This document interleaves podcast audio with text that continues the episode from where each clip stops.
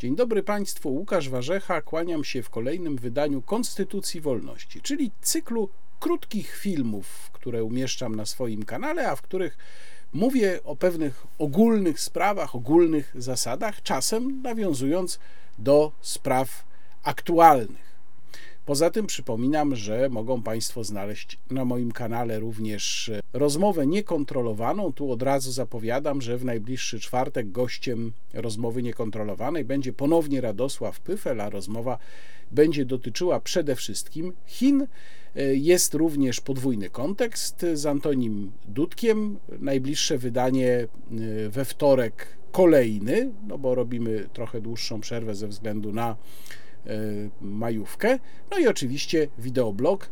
Kłaniam się bardzo nisko wszystkim z Państwa, którzy tutaj regularnie zaglądają, którzy subskrybują kanał, którzy polubiają filmy, wstawiają komentarze i jak zwykle szczególnie nisko kłaniam się swoim mecenasom, którzy wspierają kanał i poprzez mechanizm YouTube, tutaj poprzez przycisk wesprzyj i na zrzutce PL, link do zrzutki w opisie filmu. A teraz powiem Państwu, o czym dzisiaj będę Państwu opowiadał. Mianowicie chcę opowiedzieć o pewnej niedużej książce, książeczce właściwie, o której chciałem powiedzieć już dawno, dlatego że ona dla mnie jest bardzo ważna, a powinna właściwie być bardzo ważna dla wszystkich tych, którzy zarządzają publicznymi pieniędzmi. Tak niestety nie jest. Myślę o tej małej książce. Co widać i czego nie widać Frederika Bastiata, francuskiego publicysty, dziennikarza ekonomicznego, urodzonego w Bayonne w 1801 roku, a zmarłego w roku 1850, niestety w bardzo młodym wieku 49 lat w Rzymie. Frédéric Bastiat jest uznawany za prekursora szkoły austriackiej ekonomicznej, czyli tej szkoły, która jest najbliższa sercu klasycznych liberałów, szkoły, z której wywodzą się tak e, fundamentalne postaci dla mm, ekonomii jak Karl Menger, Józef Schumpeter czy Fryderyk von Hayek. Ogromną zasługą Bastiata, którą szczególnie mocno widać właśnie w tej e, krótkiej książce, co widać, a czego nie widać, jest to, że potrafił pisać, e, potrafił przekazywać swoim czytelnikom, swoim odbiorcom potencjalnie dosyć skomplikowane idee i konstrukcje ekonomiczne bardzo prostym językiem. W co widać, a czego nie widać, które jest zbiorem dwunastu krótkich tekstów, pojawia się postać Jakuba Poczciwca, który jest takim zwykłym Kowalskim, każdym z nas, który obraca się również w sferze społecznej i w sferze ekonomii, rzecz jasna. Tytuł oryginalny tego dziełka to Ce qu'on voit et ce qu'on ne pas. Właśnie co widać, a czego nie widać. Powstało ono również e, tuż przed śmiercią Frederika Bastiata i co bardzo ważne, mm, właśnie w tej książce Frédéric Bastiat sformułował, choć nie nazwał tego jeszcze, prawo kosztu alternatywnego. To prawo kosztu alternatywnego, które zostało nazwane dopiero kilkadziesiąt lat później, czyli można powiedzieć, że Frédéric Bastiat był pod tym względem naprawdę prekursorem, mówi nam o tym, że coś tracimy, mówi nam o wartości, którą tracimy, jeżeli wydamy, zużyjemy nasze środki, bo nie tylko mogą to być pieniądze. Przypominam, że pieniądze są jedynie nośnikiem wartości. W ogóle mówimy o środkach i takie pojęcie środki w kontekście kosztu alternatywnego stosuje współczesna ekonomia, jeżeli te środki zużyjemy na coś nieoptymalnego, czyli można powiedzieć nie na to, na co sami byśmy je chcieli wykorzystać. I ten, to pojęcie kosztu alternatywnego jest wprowadzone już w pierwszym eseju, w pierwszej historyjce zawartej w co widać, a czego nie widać.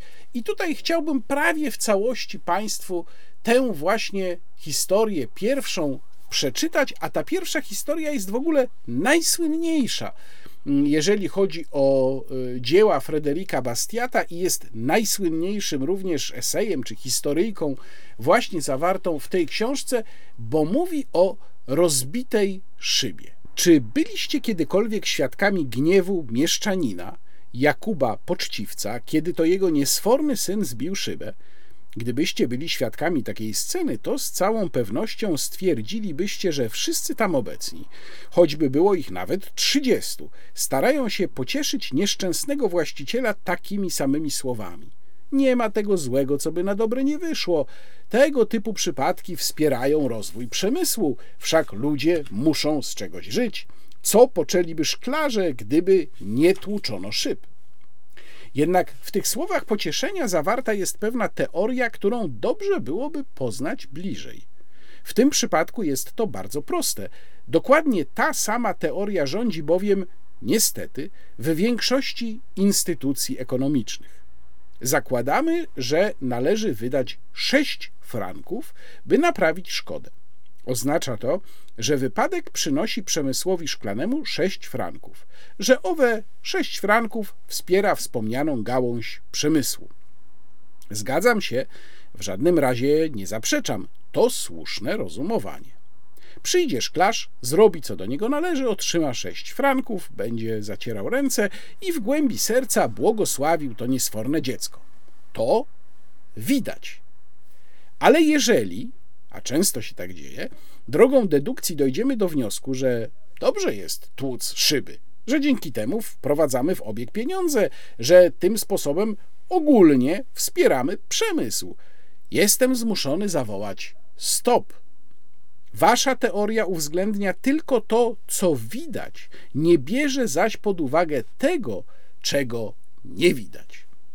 Nie widać, że skoro nasz mieszczanin wydał sześć franków na jedną rzecz, to nie będzie już mógł ich wydać na coś innego. Nie widać, że gdyby nie musiał wymienić szyby, kupiłby sobie na przykład nowe buty albo wzbogacił swoją biblioteczkę o kolejną książkę. Krótko mówiąc, z owych sześciu franków zrobiłby jakikolwiek inny użytek, którego już nie zrobi. Przyjrzyjmy się teraz przemysłowi jako całości. Zbito szybę. Przemysł szklarski został wsparty kwotą 6 franków. To widać. Gdyby szyba nie została zbita, kwota 6 franków zasiliłaby przemysł szewski bądź jakikolwiek inny. Tego nie widać.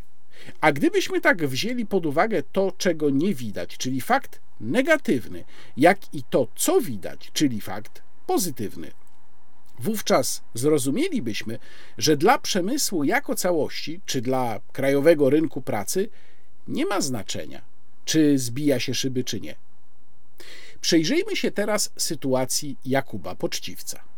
W pierwszej hipotezie mówiącej o zbitej szybie wydaje on 6 franków i może cieszyć się tylko i wyłącznie szybą.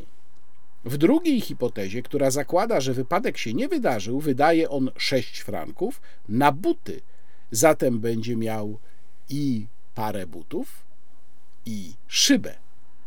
Jakub Poczciwiec jest częścią społeczeństwa, dlatego patrząc na nie jako całość i na bilans wynikający z jego pracy i dóbr, należy wnioskować, że społeczeństwo straciło wartość szyby. Uogólniając prezentowany tutaj przykład, dochodzimy do następującej nieoczekiwanej konkluzji. Społeczeństwo traci wartość niepotrzebnie niszczonych przedmiotów i do stwierdzenia, które sprawia, że zwolennikom protekcjonizmu włosy powinny się zjeżyć na głowie. Tłuczenie, niszczenie i marnotrawienie nie wspiera krajowego rynku pracy, albo krótko mówiąc, niszczenie nie przynosi zysku. Dobrze by było, gdyby czytelnik dostrzegł, że w tym krótkim dramacie, jaki przedstawiłem pod jego rozwagę, nie występuje dwóch, ale trzech bohaterów. Pierwszy, Jakub Poczciwiec, reprezentuje konsumenta, który w wyniku powstałego zniszczenia cieszy się tylko jedną rzeczą zamiast dwiema. Drugi, pod postacią szklarza symbolizuje producenta, którego przemysł zostaje wsparty dzięki wypadkowi. Trzeci to szewc, lub przedstawiciel każdej innej gałęzi przemysłu, który z tej samej przyczyny ponosi stratę. Ten trzeci bohater, który pozostaje przez cały czas w cieniu, a który uosabia to, czego nie widać, jest niezbędnym elementem rozważanego tutaj problemu. To on niedługo nauczy nas, że absurdem jest doszukiwać się zysku w ograniczeniu, które koniec końców jest tylko częściową destrukcją.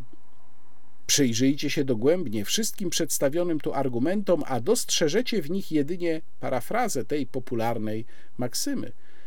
Co poczęliby szklarze, gdyby nie tłuczono szyb? I gdybyśmy chcieli odnieść tę opowiastkę stworzoną 173 lata temu przez Frederika Bastiata do czasów współczesnych, to jakie przykłady byśmy znaleźli?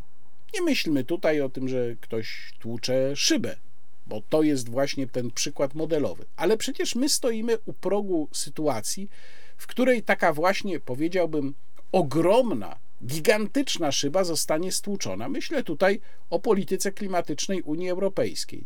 To jest dokładnie ta sytuacja, w której dramatycznie wzrosną dla nas koszty alternatywne ponieważ my będziemy zmuszeni decyzją czysto polityczną, która mniej więcej odpowiada temu stłuczeniu szyby przez syna Jakuba Poczciwca, będziemy zmuszeni tą decyzją polityczną do nieoptymalnego lokowania naszych zasobów.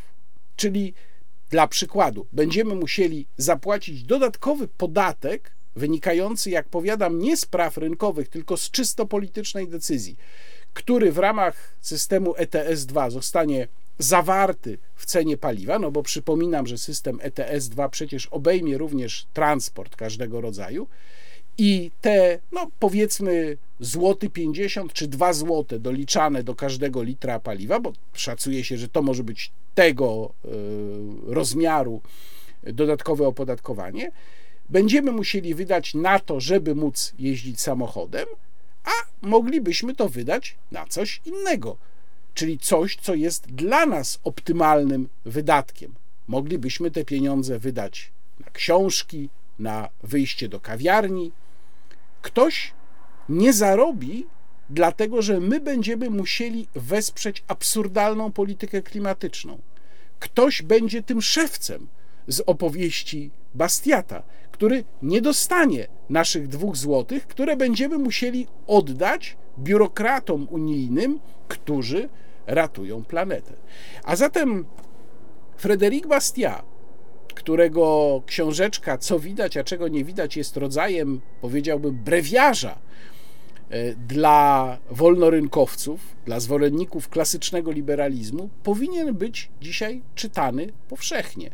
Zresztą w ogóle powinni być czytani klasycy liberalizmu, ponieważ nawet jeżeli to, co oni pisali w swoich czasach, nie było, nie jest dzisiaj w stanie opisać dokładnie rzeczywistości, ponieważ pojawiły się pewne zjawiska, których oni w swoich czasach nie widzieli, takie jak na przykład ponadnarodowe korporacje, to mimo wszystko nadal, jak widać chociażby po tym prostym przykładzie, właśnie klasycy liberalnej ekonomii najlepiej opisują najbardziej podstawowe prawa, które rządzą gospodarką i ekonomią. To cały czas jest ważne. Natomiast wiemy doskonale, że e, między innymi nasi rządzący nie sięgają i nie powołują się ani na Bastiata, ani na Hayeka, ani na Friedmana, ani na Mengera, ani na Schumpetera, ani na żadnego innego przedstawiciela austriackiej szkoły ekonomii, natomiast bardzo chętnie powołują się na Piketty'ego. Postanowiłem opowiedzieć Państwu dzisiaj o tej książeczce, co widać, a czego nie widać, którą bardzo, bardzo Państwu polecam, i o jej autorze Frederiku Bastiacie, dlatego że dzisiaj jest 1 maja. A 1 maja, święto pracy, które oczywiście nie ma rodowodu czysto komunistycznego, natomiast zostało zawłaszczone, można powiedzieć, przez komunistów, no, kojarzy się nam z różnymi rzeczami, ale z całą pewnością nie z wolnorynkowymi ideami klasycznego liberalizmu. I dlatego pomyślałem, że właśnie dzisiaj, właśnie dzisiaj, szczególnie warto o takich ideach przypomnieć. Bardzo dziękuję za to, że Państwo tutaj są. Bardzo dziękuję za wysłuchanie dzisiejszego odcinka i do zobaczenia wkrótce na moim kanale. Kłaniam się Państwu. Łukasz Warzecha.